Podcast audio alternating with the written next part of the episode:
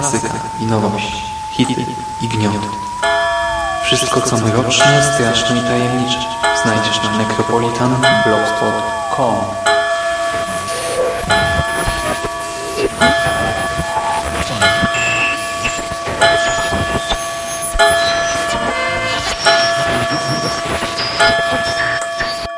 Witam w nawiedzonym podcaście.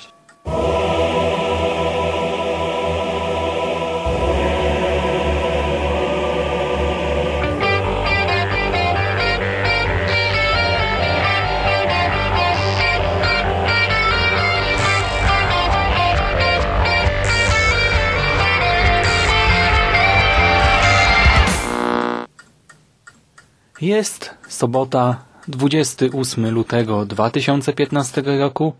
Słuchacie właśnie 18 nawiedzonego podcastu na blogu Necropolitan, a po tej stronie mikrofonu wita się z wami Szymas. Previously on strain. Historię wampirzej apokalipsy, która rozpoczyna się w Nowym Jorku. Nasi bohaterowie powinni umrzeć z 10 razy w drodze do naszego mistrza, ale przeżyli. Głupota i sztuczne efekciarstwo nie no, po prostu brak mi słów. To było tak masakrycznie złe. Ja wiem, ale to to już było przegięte. Pewnie zapomnę przez ten rok, jak bardzo się wkurzyłem na sezon pierwszy. Nie. Boże... Dlaczego? A za niektóre głupoty to może i trójka, dwójka by się trafiła. Jeżeli sięgnę po drugi sezon, to tylko i wyłącznie ze względu na jeden motyw, bo cała reszta no, została tak spaprana w końcówce, że jestem na nie.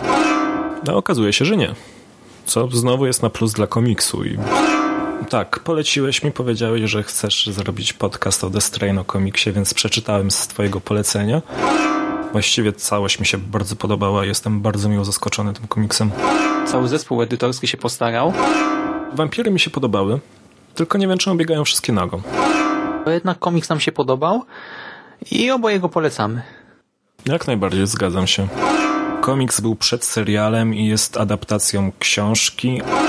No mówiłem ci przecież, że serial mówiłem, teraz chcę komiks, a potem jeszcze książkę. To, to, to jest tak totalnie nie dobra kolejność. Wiem. To jest tak od tyłu bardzo wszystko.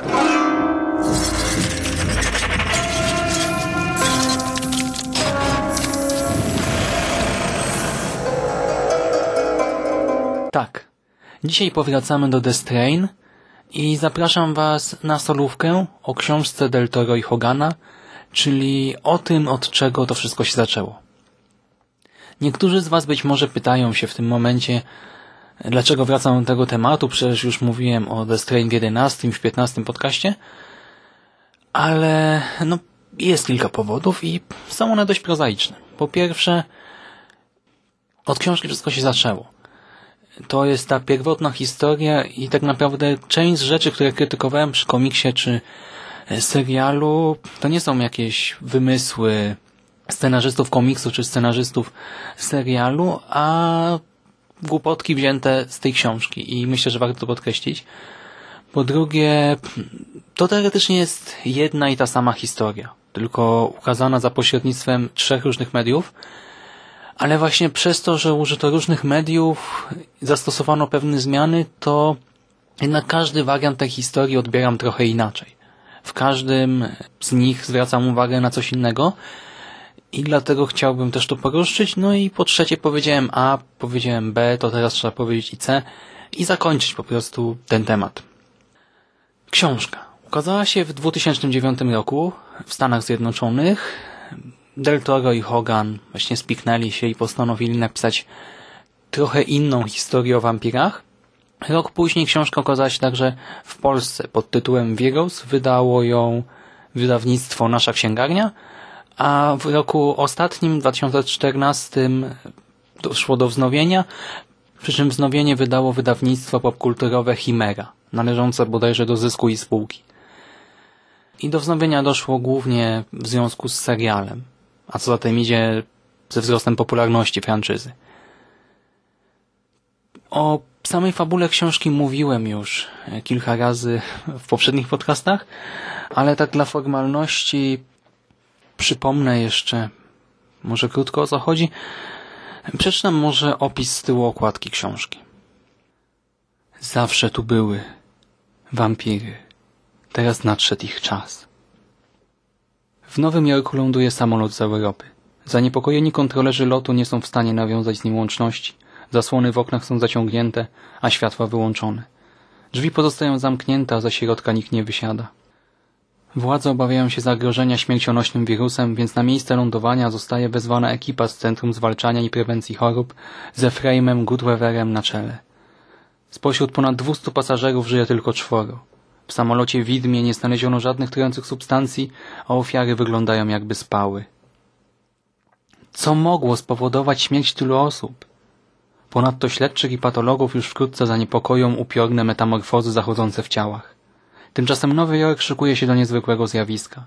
Na kilka minut świat pogrąży się w ciemnościach. Słońce przejdzie zaćmienie. Głodne wampiry tylko czekają, aż na miasto opadnie mroczna kurtyna. Agonia naszego świata jest początkiem ich rządów.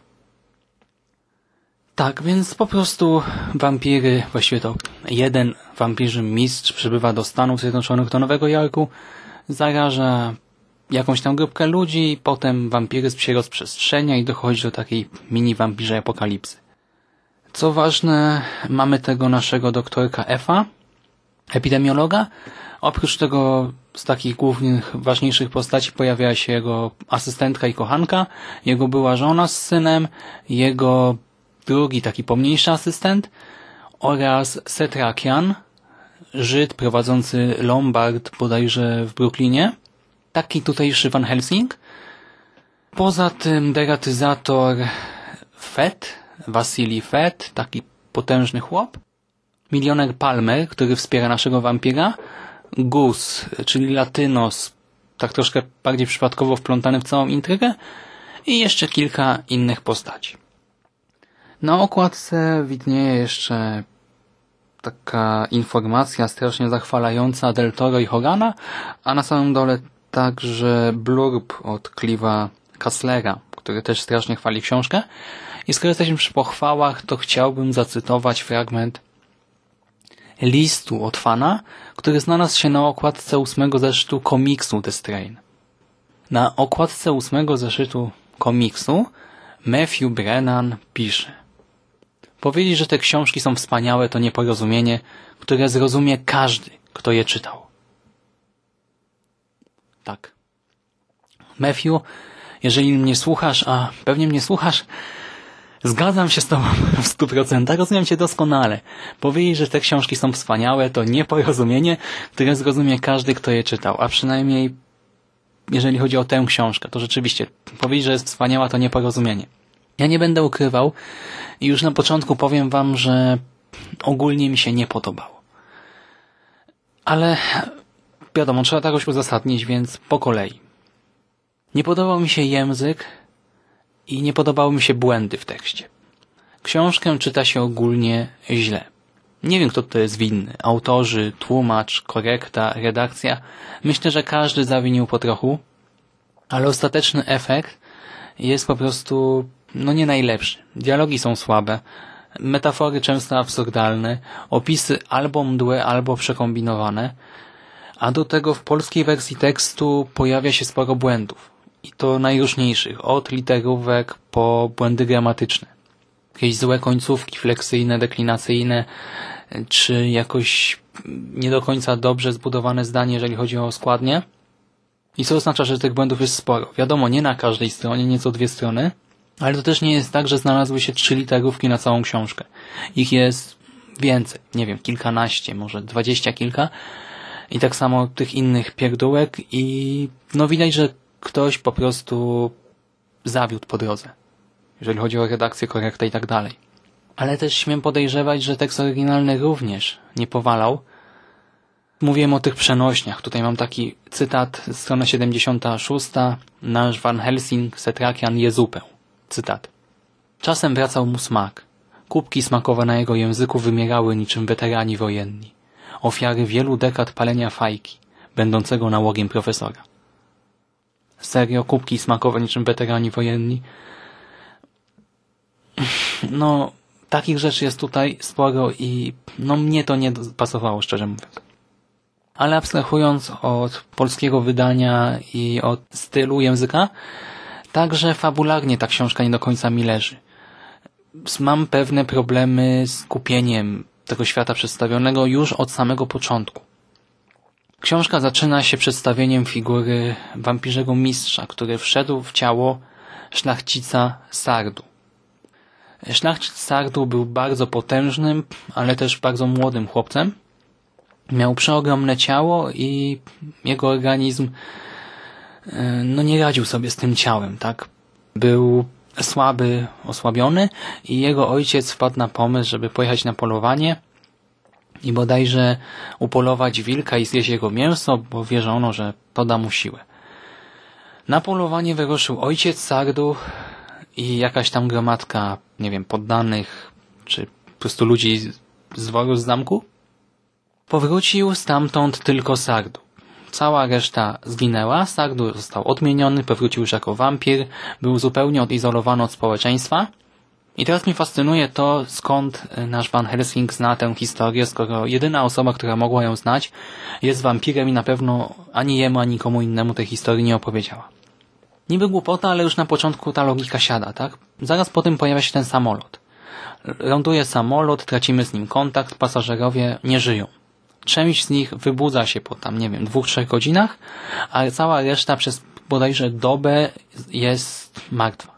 Nie daje żadnych oznak życia. Co ciekawe, tylko te wampiry z samolotu przechodzą taką fazę. Jakoś żaden inny wampir nie ma takiego dobowego otępienia. I tutaj też już widać, że twórcy pozwolili sobie na masę zagrań tylko po to, by móc poprowadzić fabułę tak jak chcą, a cały świat przedstawiony troszkę się rozlatuje. Ale odejdźmy od tego na chwilę. Mamy w tym świecie przedstawionym pewne postacie. Ogólnie one są teoretycznie ciekawe. Mamy różne typy. Mamy tych epidemiologów, mamy Van Helsinga, mamy potężnego, prostego, ale w sumie sprytnego kolesia, tego deratyzatora. Mamy młodego, zbuntowanego latynosa z jakąś tam przeszłością przestępczą. Też ciekawą postać. Mamy milionera, który wspiera naszego wampirzego mistrza. Mamy tę rodzinę, epidemiologa i masę innych postaci. Ale niestety jednak coś tutaj nie zagrało. Nasz główny bohater, doktorek F, nie zachowuje się jak epidemiolog jest potwornie nieostrożny, nieodpowiedzialny, ogólnie jest beznadziejnym lekarzem, epidemiologiem, ojcem, mężem, kochankiem, pracodawcą, pracownikiem. Jest lepiej niż w serialu, to muszę przyznać. Tutaj nie wypada aż tak źle, ale pomimo wszystko nie pasuje mi ta postać. Nora, jego asystentka, kochanka. W serialu była tragiczna, tutaj jest sto razy lepsza, ale niestety mało jej jest jakoś tutaj. Jest dość nijaka nie ma możliwości, by się wykazać. Podobnie zresztą jest z Wasilim Fetem, który w serialu mi się bardzo podobał. Tutaj się pojawia, jest ok, ale też nie ma okazji, by rozwinąć skrzydła. Setrakian, o ile ogólnie, no wiadomo, to jest postać po prostu lekko przerobiony, jest to lekko przerobiony Van Helsing, więc nie ma tutaj niczego szczególnie odkrywczego, ale był w niej spory potencjał. Niestety młody Setrakian, bo poznajemy jego przeszłość, jest naiwny i głupi. Jego aktualna wersja jest bardziej wiarygodna, ale też czegoś mi tutaj zabrakło niestety. I Setrakian też zostaje wplątany w różne sceny, w których wypada jak jakiś totalny głupek po prostu, wsiowy. Przykładowo, wiecie, mamy Van Helsinga, który wie, że atakują, że świat atakują wampiry. Chce zapobiec epidemii, tragedii, udaje się do epidemiologa, by poinformować go mniej więcej o całej sytuacji i zamiast wyjawić mu szczegóły na zasadzie Niestety ciężko będzie mi to wyjaśnić, ale mam wiedzę na temat tego wirusa. Otóż działa on na ludzi w taki i w taki sposób. Nie ma na niego aktualnie lekarstwa. Aby jakoś zapobiec epidemii należałoby zrobić to i to. Jeżeli pan nie wierzy, to proszę wyprowadzić takie i takie badania, sprawdzić ciała w świetle UV, zrobić sekcję zwłoką, bla bla bla i wyjaśnić jakoś tak sensownie. Nie, on staje przed nim i zachowuje się jak niezrównoważony starzec. Można by powiedzieć, że no okej, okay, może po prostu to jest taki charakter, taki człowiek. Ale potem Setrakian trafia do aresztu i tam spotyka Gusa, naszego Latynosa. Myślę, to jest przypadkowo spotkany chłopak dla niego. Jeszcze do tego w areszcie, prawdopodobnie jakiś przestępca, też zachowuje się, Gus zachowuje się agresywnie w tym areszcie troszkę. I co Serachian robi? Wykłada mu szczegółowo właśnie teorię wszystkiego, czego wie o wampirach.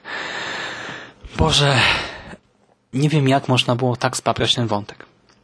I właśnie co do spapranych wątków zmarnowanego potencjału, mamy tutaj wątek wampira jako terrorysty. I to mi się w teorii bardzo spodobało. Wiecie, wampir jako bioterrorysta, coś takiego nowoczesnego, uwspółcześnienie mitu wampira, świetna sprawa. Ja ogólnie kupuję interpretowanie wampirów jako metafory epidemii, wojny, zagrożenia jądrowego, czy też po prostu jako metaforę innego, obcego, jakiejś innej rasy, ofiary dyskryminacji. Super to jest. Ale kurde nie w przypadku The Strain. Czasem filmy o wampirach, czy książki o wampirach, zombie, innych potworach można naprawdę ciekawie interpretować, ale w tym przypadku nie widzę ku temu żadnych powodów. Poza tym, że na początku mamy ten wątek porwania samolotu i zagrożenia takiego biologicznego, to potem no to nie zostaje w żaden sposób wykorzystane. I w tym kontekście zmarnowano też cały potencjał tej otoczki naukowej. Myślałem, że będziemy mieli trochę więcej tej takiej naukowej walki z wampiryzmem. Nie wiem, szukania antidotum na wampiryzm, badania tych ciał wampirów, badania wypustek, bo tutaj te wampiry są specyficzne, nie wiem czy pamiętacie. Wampiry przemienione przez mistrza stają się strasznie blade, tracą owłosienie, genitalia, a w środku w klatce piersiowej rozwija się taki wielki pasożyt, który ma taką wypustkę i potem tą wypustkę wampir może wystrzelić z gardła i przy jej pomocy wyssać swoją ofiarę. I tutaj myślałem, że będzie trochę więcej badania właśnie chociażby tych ciał, tej anatomii wampira, no to się gdzieś tam przejawia w kilku miejscach, ale tego jest strasznie mało. I tutaj od razu kolejny minus. Cała ta otoczka naukowa zostaje zaprezentowana w beznadziejny sposób. Wiecie, przeciętny czytelnik raczej nie ma bladego pojęcia o chociażby tym, jak działają wirusy, jak mutują, jak się rozwijają, etc. Zresztą tutaj też mam problem z tym, ja się nie znam, nie jestem biologiem, ale dla mnie jednak bakteria, wirus, pasożyt to są trzy różne rzeczy. A tutaj niby wirus i pasożyt to jest nagle to samo, a wydaje mi się, że w jednym miejscu też pojawiła się bakteria. Ale to już jest nieważne. W sumie to odpuśćmy to sobie. To, co jest istotne, to to, że to, co jest, ma jakąś wartość naukową, jest takie bardziej teoretyczne, można wprowadzić w sposób ciekawy. Przykładowo chcemy czytelnikowi opowiedzieć o wirusie. Jak to robimy? Mój pomysł jest taki, by na przykład nasz główny epidemiolog musiał coś wyjaśnić naukowcowi z jakiejś innej sekcji Centrum Chorób Zakaźnych, który niekoniecznie zna się na wirusach. Albo też może ktoś zaprosi jakiegoś naukowca, e, jakiś dziennikarz do jakiegoś programu, poprosi o wyjaśnienia i wtedy można to spokojnie wyłożyć. Albo też gdzieś w tle będzie leżał jakiś podręcznik i może jakoś wprowadzimy do fabuły fragment tego podręcznika, by czytelnik poznał te szczegóły takie bardziej techniczne, powiedzmy. A tutaj co? Narrator po prostu w narracji rzuca nam czasami takie teksty. Po prostu mamy narrację i nagle taką właśnie sekcję naukową. No to jest zrobione tak niechlujnie, że potwornie mi się to nie podobało.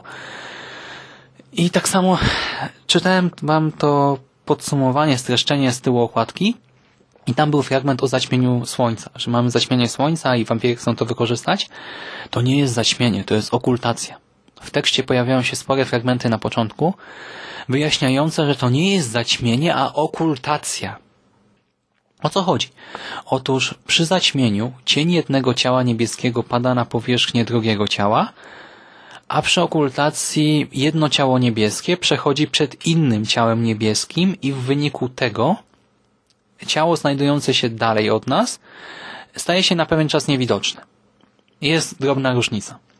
To nie ma żadnego znaczenia dla naszej powieści, ale jest to strasznie podkreślane Nie wiem po co. To chyba miała być jakaś cieka ciekawostka. Ktoś, może Del Toro i Hogan chcieli się pochwalić, że znaleźć taki termin jak okultacja.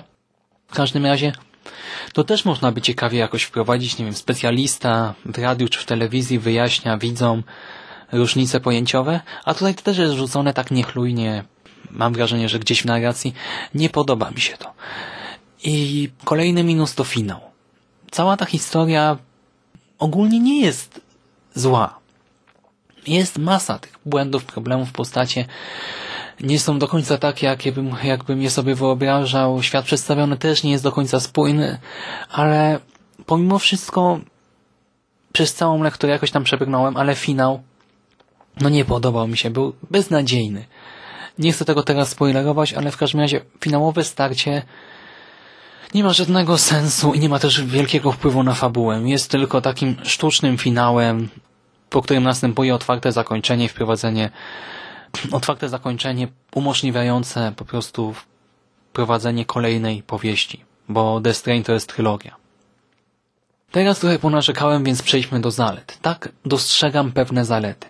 Pierwsze, co do tego polskiego wydania, nie podoba mi się to, co redakcja z nim zrobiła, ale widać pewne starania wydawcy. Po pierwsze, okładka prezentuje się dość dobrze. Wykorzystano na niej grafikę, która reklamuje także sam serial. Widzimy fragment głowy, twarzy, zwłok w kostnicy i w centrum mamy oko, z którego wychodzi właśnie nasz pasożyt, nasza glista. Do tego ta glista, ten robak jest wypukły. Jest to no, całkiem ciekawy, fajny efekt. Mnie się to bardzo podoba. Do tego w środku każdy rozdział, a jest ich sporo, bodajże 17, jest ozdobiony oryginalną ilustracją. Na samym początku widzimy jakąś tam ilustrację i te obrazki, rysunki czarno-białe prezentują się całkiem nieźle. I jeszcze jedna sprawa, zastosowano w tekście głównym różną typografię, aby odróżnić rzeczy, które zostały napisane odręcznie, czy które wyświetlają się gdzieś tam na monitorze i tak dalej. No po prostu rzeczy, które nie są takim standardowym tekstem, jakoś tam się odróżniają. I ja lubię takie zabiegi. Podoba mi się to, gdy wydawca wkłada tę odrobinę wysiłku, by to jakoś wyróżnić. No i to jest dla mnie plusik. Druga sprawa, Skoczny w komentarzach pod 11 nawiedzonym podcastem pisał mi o książce, że jest bardziej skondensowana niż serial, a co za tym idzie ma mniej durnych wątków. To się zgadza. Rzeczywiście nie ma tutaj aż tylu dłużyzn i zapychaczy. Chociaż książka jest dość napompowana, można by wyciąć pewne rzeczy, ale nie ma żadnej przesady, jeżeli o to chodzi i aż tyle głupot, co w serialu. Kolejnym plusem jest postać Latynosa, Gusa. Jest to ciekawy bohater, młody, właśnie miał kontakt ze światem przestępczym, ale jest osobą bardzo sympatyczną na swój sposób, wplątaną w tę intrygę. Chciał dobrze, a wyszło bardzo źle. No podoba mi się ten wątek i odniosłem dziwne wrażenie, że te fragmenty, w których pojawia się głos, zostały lepiej napisane.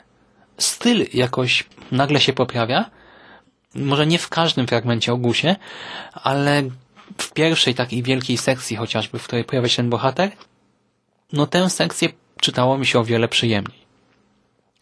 I skoro jesteśmy już przy Gusie i tym wątkach, które mi się podobały, to Wampirzy Słod także zrobił na mnie bardzo pozytywne wrażenie. W pewnym momencie pojawia się jednostka wampirów, uzbrojonych wampirów, które atakują te dzikie wampiry. Nie chcę zdradzać za wiele, ale to jest dla mnie coś naprawdę intrygującego i to jest jeden z wątków, które naprawdę w pełni mnie kupiły. Ale niestety na tym zalety się kończą. Ogólnie, skoro już omówiłem wcześniej książkę, skoro omówiłem już wcześniej komiks i serial, teraz mogę powiedzieć, że serial jest gorszy od książki i komiksu pod kątem właśnie rozciągania akcji. Tam mamy masę rzeczy, które nie powinny były się wydarzyć, które nie mają większego sensu, które są zapychaczami dla kolejnych epizodów. W książce i komiksie tego nie ma. I w książce i komiksie zabrakło także na przykład matki Nory, asystentki i kochanki doktorka. Ta postać pojawiła się w serialu, a jest absurdalna, dziwna i nie wnosi niczego do fabuły. I także sama Nora w książce i w komiksie prezentuje się lepiej. Niestety, tak jak mówiłem, mało jest jej tutaj, ale w sumie wolę by było jej mało, niż by było jej tyle, co w serialu i by była tak jak w serialu straszną panikarą, która ciągle tylko krzyczy o nie, nie możemy zabijać tych wampirów, nie, jesteśmy lekarzami, musimy im pomagać, musimy je ratować, nie możemy, nie możemy ich zabijać, bla, bla, bla. Za to są też rzeczy, które zaliczam na plus serialowi. Na przykład kwestia wątku pradawnych wampirów. Istnieją jakieś tam pradawne wampiry i serial czeka z tym wątkiem do samego końca praktycznie. On pojawia się bodajże dopiero w przedostatnim albo i dopiero w ostatnim odcinku i zdradza tylko jakiś tam mały szczególik na ich temat.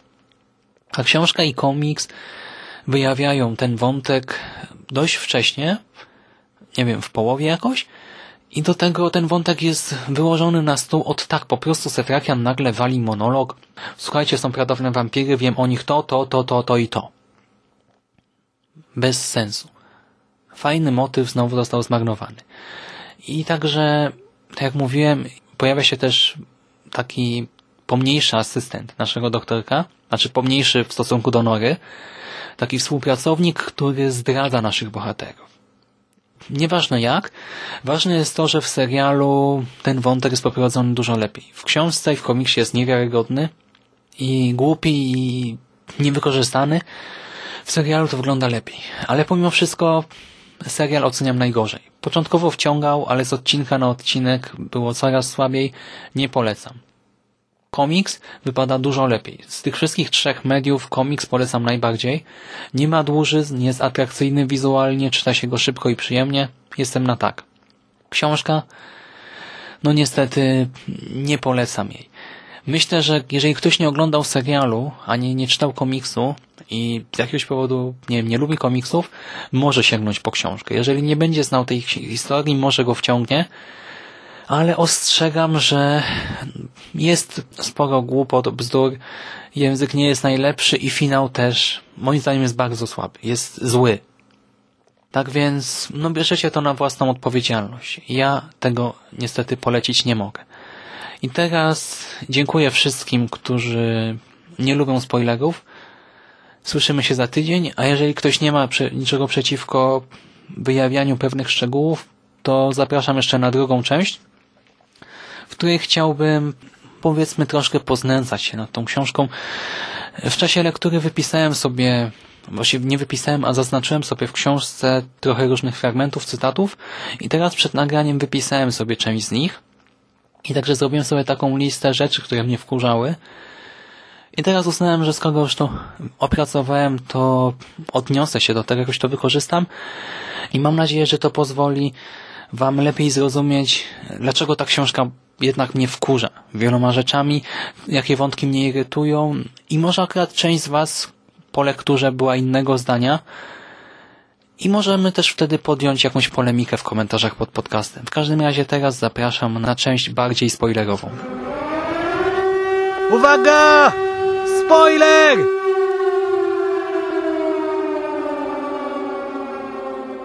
Dobrze, no to lecimy z drugą częścią. Ostrzegam, że będzie trochę chaotycznie.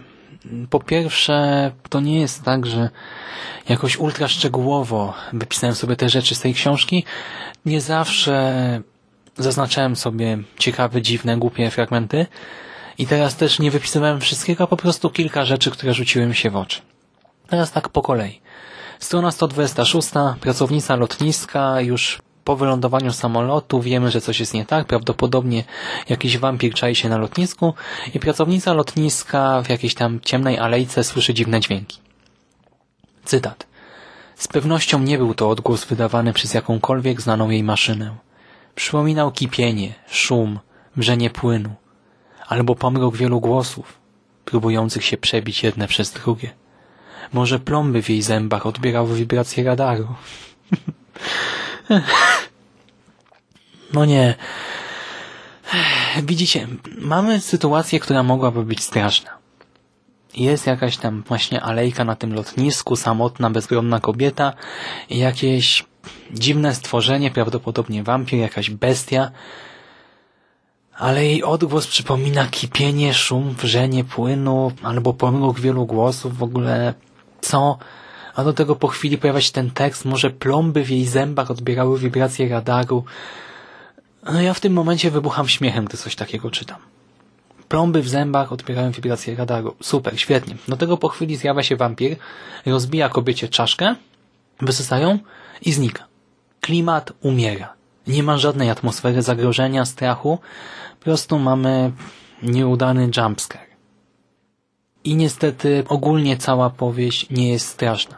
A co zabawne, reklamowano ją właśnie jako przerażającą opowieść o strasznych wampirach. I też wykorzystano popularność zmierzchu i mówiono, że to jest zupełnie inna historia. Rzeczywiście to jest inna historia, bo to nie jest paranormal romance, ale na pewno ta książka nie straszy. Strona 141. Nasz epidemiolog jest w samolocie na pokładzie w kabinie sypialnej pilotów i odnajduje tam całą masę różnobarwnych śladów amoniaku, prawdopodobnie jakieś wydzieliny, którą zostawiło coś, co było na pokładzie samolotu i co zabiło pasażerów. Diagnoza epidemiologa brzmi następująco. Podobne ślady zostawiają dżdżownice, rzekł. Wykopywaliśmy je, gdy byliśmy dziećmi. Przecinaliśmy na pół i patrzyliśmy, jak każda połówka ucieka osobno. Miały zapach zimnej ziemi, z której wyszły. Rozumiecie to? Poważny epidemiolog na ultra wysokim stanowisku, który przeniósł siedzibę tego Centrum Chorób Zakaźnych do innego miasta, bo jest taki super, hiper, stawia diagnozę o śladach dżdżownic i opowiada o tym, jak jako dziecko przecinał je na pół i że miały zapach zimnej ziemi. No, bezsens. Totalny bezsens.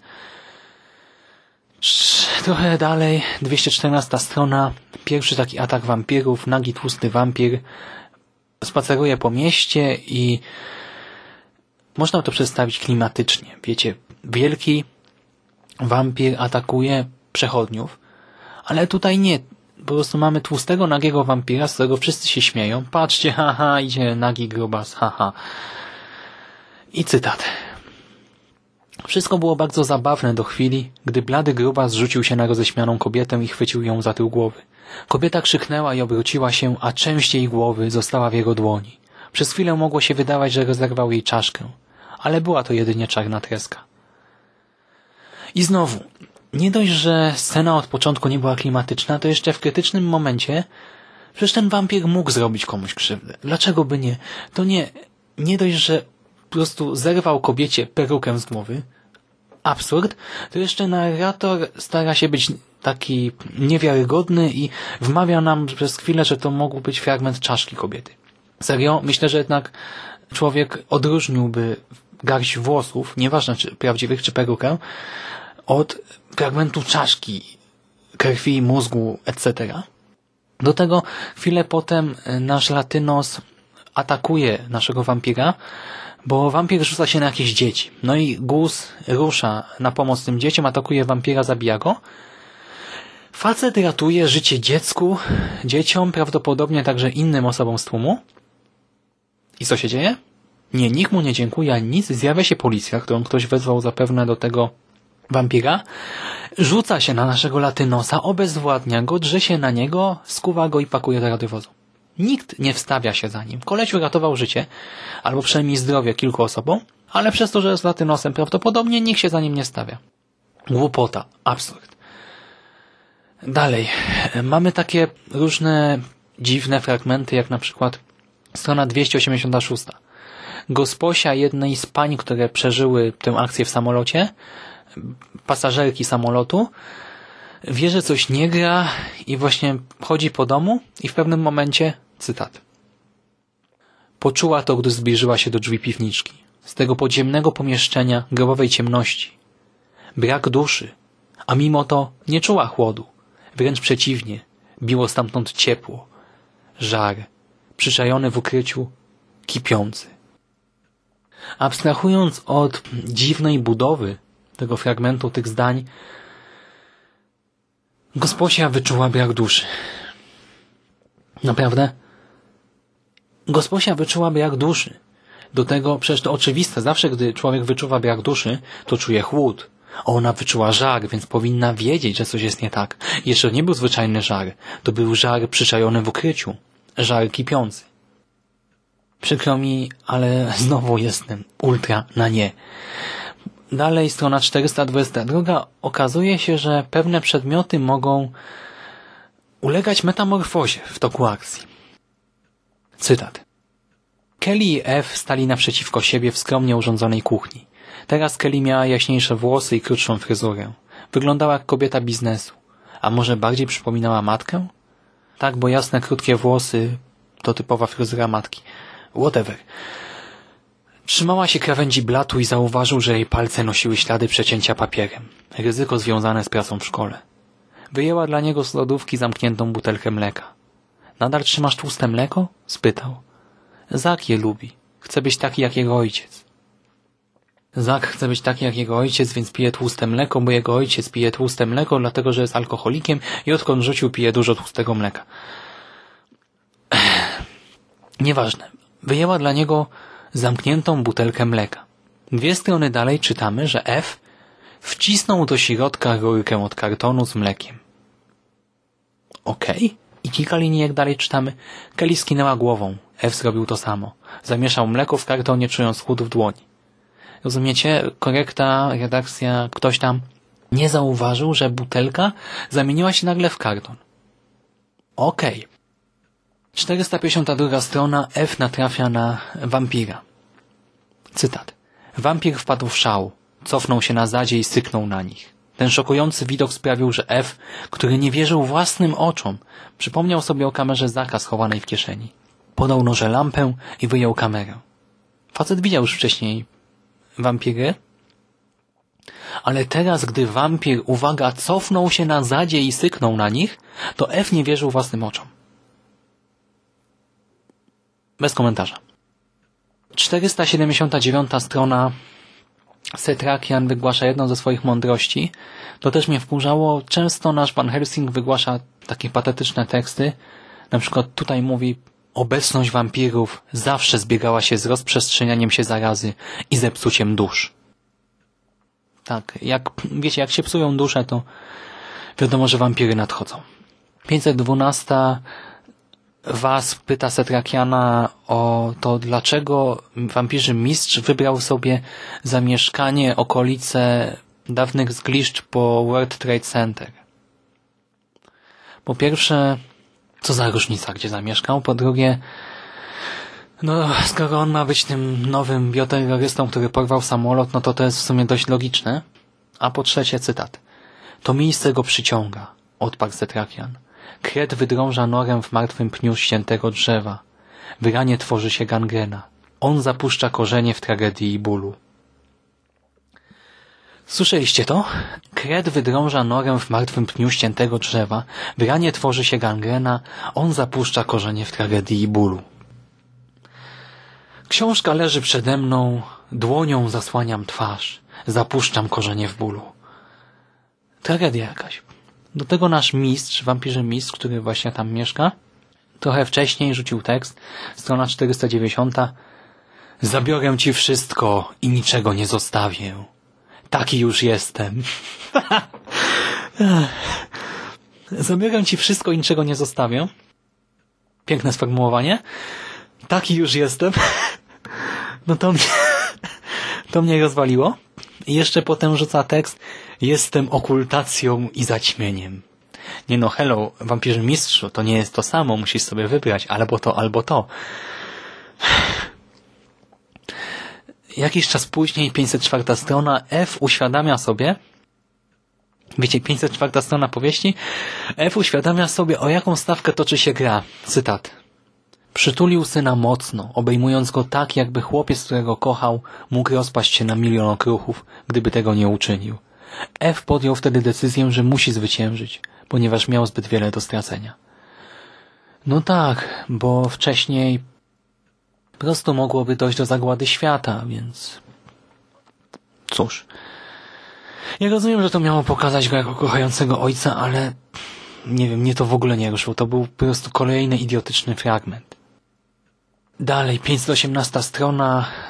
Setrakian napotyka na wampira Drugi stwór zatrzymał się w tym samym miejscu, ale odwrócił się, zamiast zniknąć i spojrzał w ich stronę. Setrakian nie poruszył się, wiedząc, że zdolność widzenia w nocy była już u tej istoty dość rozwinięta, choć nie w pełni wykształcona. Setrakian nie poruszył się, wiedząc, że zdolność widzenia w nocy była już u tej istoty dość rozwinięta, choć nie w pełni wykształcona. Okej. Okay. Jego celownik termowizyjny zarejestrował gardło wampira jako miejsce o najwyższej temperaturze. Pomarańczowa stróżka spływająca po jego nodze przybrała żółtą barwę, gdy utworzyła kałużę na ziemi. Stwór opróżnił pęcherz. Rzeczywiście fragment o tym, że ciepły mocz jest pomarańczowy na termowizji, ale po zetknięciu się z zimną glebą staje się żółty, był tutaj bardzo potrzebny i bardzo dobrze buduje klimat. Dalej 534 strona dochodzi do jednej z konfrontacji z mistrzem. Uwaga. Z gniewnym uśmiechem mistrz chwytał długimi rękami drewniane kłody, zwoje drutów elektrycznych i inne odpadki z remontu, które znalazły się w zasięgu jego ręki i ciskał nimi w trzech napastników. No tak, ja też zawsze jak mam remont w domu, to wszędzie walają się drewniane kłody, zwoje drutów elektrycznych i tego typu rzeczy. Tak, normalka. Do tego mistrz miota drewnianymi kłodami w jednej scenie, a z drugiej strony nie potrafi po prostu pacnąć w łeb któregoś z jego przeciwników, złamać ręki, skręcić karku. Nie. No bo, no bo nie. Po chwili pojawia się obok inny wampir. Była to pulchna młoda dziewczyna w dżinsowej spódniczce i podartych kabaretkach. Cechowała ją pazerność świeżo odmienionego wampira, którą F nauczył się rozpoznawać. Skierował miecz w jej stronę, nie wstając z kłócek, a dziewczyna zwróciła się w prawo, następnie w lewo, próbując go zmylić, wydając syk pomiędzy białych warg. No tak, bo wampirzyca w jeansowej spódniczce i podartych kabaretkach jest przerażająca. Do tego Ewy rozpoznaje pazerność świeżo odmienionego wampira. Fajnie. A dziewczyna jest tak pazerna, że jednak stara się zmylić bohatera. I spróbuje go zmylić tym, że zwraca się w lewo i w prawo. To tak go zmyliła, że no F musiał zgłupieć w tym momencie. Do czego bije? Tutaj nie ma żadnej grozy. Mamy starcie z przerażającymi wampirami, rządnymi krwi, wampirzymi zombie, z jakimiś dziwnymi wypustkami i jeszcze z wampirzem mistrzem, a ja nie czuję żadnego strachu. Nic, a nic. Nie mogę sobie tego nawet wyobrazić. Widzę jakieś absurdalne sceny przed oczami, gdy to czytam. Może już odpuszczę sobie dalsze cytowanie. A teraz właśnie co do różnych takich wątków, mówiłem już. Te kwestie komunikacji między bohaterami. Dlaczego Setrakian nie porozmawia na poważnie z Efem, tylko dopiero z głosem rozmawia jak człowiek z człowiekiem, a przed Efem zachowuje się jak jakiś niezrównoważony głupek. I tak samo F jest poważnym epidemiologiem. Wysłał próbki do swojego znajomego do innego laboratorium w innym mieście. Znajomy do niego odzwania. Trwa akurat nagonka na Efa. W mediach publikowane są informacje, że F miał jakiś związek ze zniknięciem ciał z kostnicy, że prawdopodobnie doprowadził do śmierci jednego z pacjentów i tak dalej. Ten jego znajomy dzwoni do niego jednak Informuje go o sytuacji. Mówi, że zbadał wirusa, że jest to coś bardzo dziwnego, że pasożyt czy wirus bardzo szybko przejmuje kontrolę nad organizmem żywiciela, strasznie szybko się rozmnaża, wytwarza własne tkanki, etc., etc. Co byście na tym, w tym momencie zrobili na miejscu EFA, epidemiologa? Bo ja bym powiedział, stary, widzisz, to jest ultra niebezpieczne i to się właśnie rozprzestrzenia po Nowym Jorku. Mamy do czynienia z setką, co najmniej setką, jak nie tysiącem przypadków zarażenia, musisz wysłać informacje na ten temat dalej do jakichś władz gdzieś wyżej i ogłosić epidemię, pandemię, nie wiem, cokolwiek, jakiś alarm. Trzeba zapobiec rozprzestrzenianiu się tego czegoś. Co robi F? Stwierdza, że jego znajomy powinien zniszczyć próbkę wirusa. Dlaczego? Nie wiadomo. W każdym razie każe mu to zniszczyć i to nie ze względów bezpieczeństwa, bo to jest jakieś ultralaboratorium i skoro już i tak badali tego wirusa przez kilka dni i nic się nikomu nie stało, no to chyba dbają o bezpieczeństwo. Do tego teraz wiedzą, jak to wszystko działa, więc no nie ma zagrożenia. Wręcz przeciwnie, to jest jedyna szansa, jedyny ratunek tak naprawdę. A F mówi zniszcz wirusa i dodaje, strona 387, PET, Zrób to, o co cię proszę, a ja ci obiecuję, że wszystko wyjaśnię, jak tylko będę mógł. Rozumiecie, nie wyjaśnił nic temu znajomemu. Jeszcze jest podejrzany o jakieś przestępstwa, zabójstwa, etc. I zamiast wyjaśnić znowu jakąś sensowną sytuację, to zgrywa jakiegoś tajemniczego yy, durnia. F jest beznadziejnym epidemiologiem, ale też beznadziejnym ojcem, mężem, kochankiem w sumie też i tak dalej, i tak dalej. W pewnym momencie też właśnie mniej więcej w tym czasie wpada do domu. Do swojego domu, ale nie mieszkania, tylko do domu, do żony, do syna. I zamiast zadbać o ich bezpieczeństwo, wyjaśnić, że ma do czynienia właśnie z wirusem, że jest duże zagrożenie, że muszą uciec, etc., to najpierw biegnie do syna na piętro, by powiedzieć mu, że to, co wypisują o nim w internecie, to nieprawda. no tak, bo to bardzo istotne. Synu, możesz umrzeć, mogą cię zaatakować krwiożercze istoty, wystać cię, zamienisz się w wampirze zombie. Ale to nieważne, słuchaj, to co piszą o mnie w internecie, to nieprawda. To są w wiadomościach też jakieś głupoty. Ja wcale nie ukradłem tych zwłok kostnicy, wiesz? Ja jestem dobry. Oni są źli. Ech. Do tego F na przykład w jednej ze scen wybija wampirowi zęby rakietą do tenisa. Tak to lata uzbrojony w pistolet na gwoździe, a tutaj walczy rakietą do tenisa. No kurde, to nie jest Dead Rising czy Left 4 Dead, tylko niby quasi realistyczny świat, tak? Ale okej. Okay. Mamy też różne inne takie głupie sceny.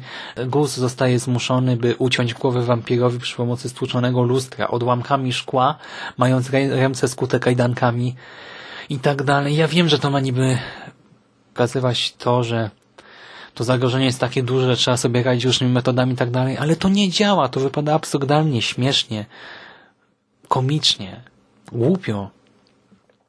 Do tego świat przedstawiony, jak mówiłem, jest nierealistyczny. Wampiry raz, raz są martwe po zarażeniu, raz nie. Raz są agresywne, raz nie. Ludzie jakoś z jakiegoś powodu nie panikują prawie wcale. Pewnym momencie czytamy, że komisariat zniknął. Znaczy komisariat, cała policja z komisariatu zniknęła. Wiecie, po, na ulicy giną ludzie, ludzie mordują się nawzajem, mamy te stwory z wypustkami, w ogóle dzieją się straszne rzeczy, całe osiedla wymierają. Tracimy kontakt z komisariatem, nikt się tym nie przejmuje, nie ma żadnej paniki. Do tego też, jak już mówiłem, Del Toro i Hogan tak naprawdę wprowadzili wiele rzeczy, które nie mają sensu tylko po to, by fabułę poprowadzić tak jak chcą, a do tego tak naprawdę można by spokojnie albo zapobiec epidemii w prosty sposób, albo też zniszczyć przeciwników e, wampirów, tych walczących z wampirami w bardzo prosty sposób. Pierwsza sprawa Setrakian, nasz Van Helsing poznał kiedyś Palmera, czyli milionera, który wspiera wampiry i już wtedy wiedział, że Palmer ma złe intencje. Dlaczego po prostu nie zabił, skoro wiedział, że Palmer chce ściągnąć wampiry do Stanów i prawdopodobnie może wywołać właśnie epidemię? Nie wiadomo. I w drugą stronę, dlaczego Palmer nie pozbędzie się Setrakiana? Albo i Efa, naszego doktorka? Palmer jest milionerem, skoro może po prostu przetransportować jakąś wielką, kilkudziesięcio czy kilkuset kilową trumnę pełną ziemi z wampirem w środku poprzez jakiś tam normalny lot z Berlina do Stanów. W ogóle ma dojścia wszędzie. W każdej wielkiej firmie, w każdej wielkiej agencji rządowej, etc., etc. Dlaczego po prostu nie zabije Setrakiana i Efa? Tylko nie bawi się w manipulowanie na przykład przy e, nagraniach ze szpitala, by Efa ścigała FBI. To też jest zresztą absurdalne, bo e, kamera pokazuje obraz pod takim kątem, że nie widać, że F walczy z wampirem. No to ciekawe, bo oni jakoś tam się poruszają, przecież nie stoją cały czas w jednej pozycji. Do tego F tam rozcina tego wampira bodajże i widać tę wypustkę i wszystko, ale nie, na nagraniu tego nie widać, bo, bo jest pod takim kątem.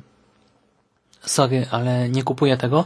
Do tego, skoro były kamery na przykład też w kostnicy i kamery pokazują, że ktoś postury Efa i ktoś postury Nory wyprowadza zwłoki stamtąd, to dlaczego kamery nie zarejestrowały, że zwłoki same wstały i wyszły, że wampiry sobie po prostu nagle poszły na spacerek? Jest masa takich historii. Nawet jeżeli założymy tutaj, że te taśmy zostały podłożone, no to i tak, no nie dałoby się tak tego zmontować, żeby nie było tego widać. To niemożliwe, żeby był taki kąt, że akurat przez całe ujęcie widać wszystko, tylko nie widać, że to jest wampir. Zwłaszcza, że ma przeogromną wypustkę, jest agresywny, drze się, skacze i tak dalej. Kolejne rzeczy, na przykład ta specyfika wampira. O ile, nie wiem, te wypustki i tak dalej, no to jest ok, to na przykład ten wątek utraty genitaliów, to się pojawia właśnie w dwóch scenach w kontekście jednego wampira głównie. I po co to jest, nie mam żadnego pojęcia. I w końcu dochodzimy do tego finału. Nasi bohaterowie wiedzą, że wystarczy zabić mistrza i w ten sposób pokonają wszystkie wampiry. No i idą do kryjówki mistrza i po drodze spotykają inne wampiry, ale te wampiry nie są agresywne na ogół. Tylko tam sobie gdzieś śpią, etc. Zamiast pójść do mistrza z całym arsenałem i go zabić, to oni zabijają po drodze te inne wampiry. Uwalniają je. Po kolei jednego, drugiego, dziesiątego, pięćdziesiątego, setnego. Nie wiem, nie wiem po co w ogóle. Przecież jeszcze wiedzą, że w ten sposób ostrzegają naszego mistrza, ale robią to. Marnują czas, marnują zasoby, siły i robią to. Potem dochodzi do tej konfrontacji i nasz mistrz chwilę wcześniej miotał jakimiś kłodami i zwojami drutu elektrycznego. Dlaczego by nie? Teraz nie może po prostu zmiażdżyć czaszki naszym bohaterom. Nie może palnąć w łeb Setrakiana, Efa. No nie, stoi sobie i daje się kaleczyć i odsłaniać kolejne źródła światła. Bo dlaczego by nie? A gdy już jest pokaleczony, to zamiast uciekać w dół budynku, tam gdzie nie ma światła, to on wydostaje się na zewnątrz, na pełne światło. I co tam robi? No stoi w takim pełnym słońcu i zamiast uciekać do cienia, to on zrzuca z siebie szatę. I biega po dachach właśnie w tym słońcu.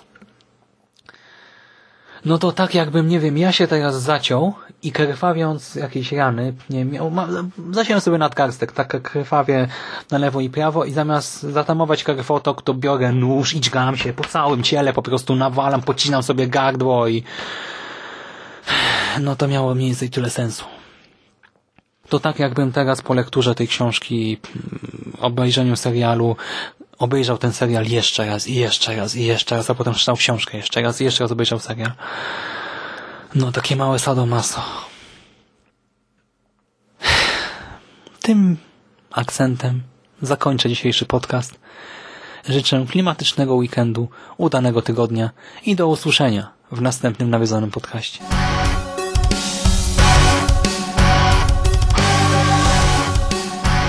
A już za tydzień w kolejnym nawiedzonym podcaście.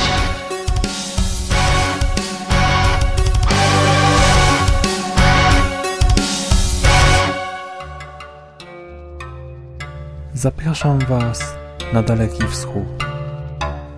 Na grę wstępną z nowym gościem.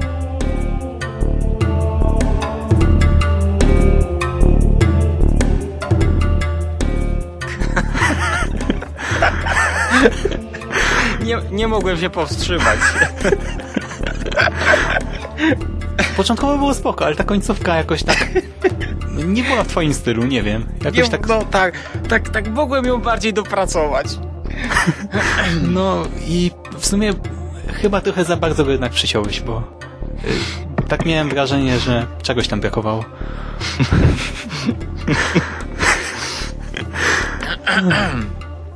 No dobra, no to po, poznaliśmy się już. Tak.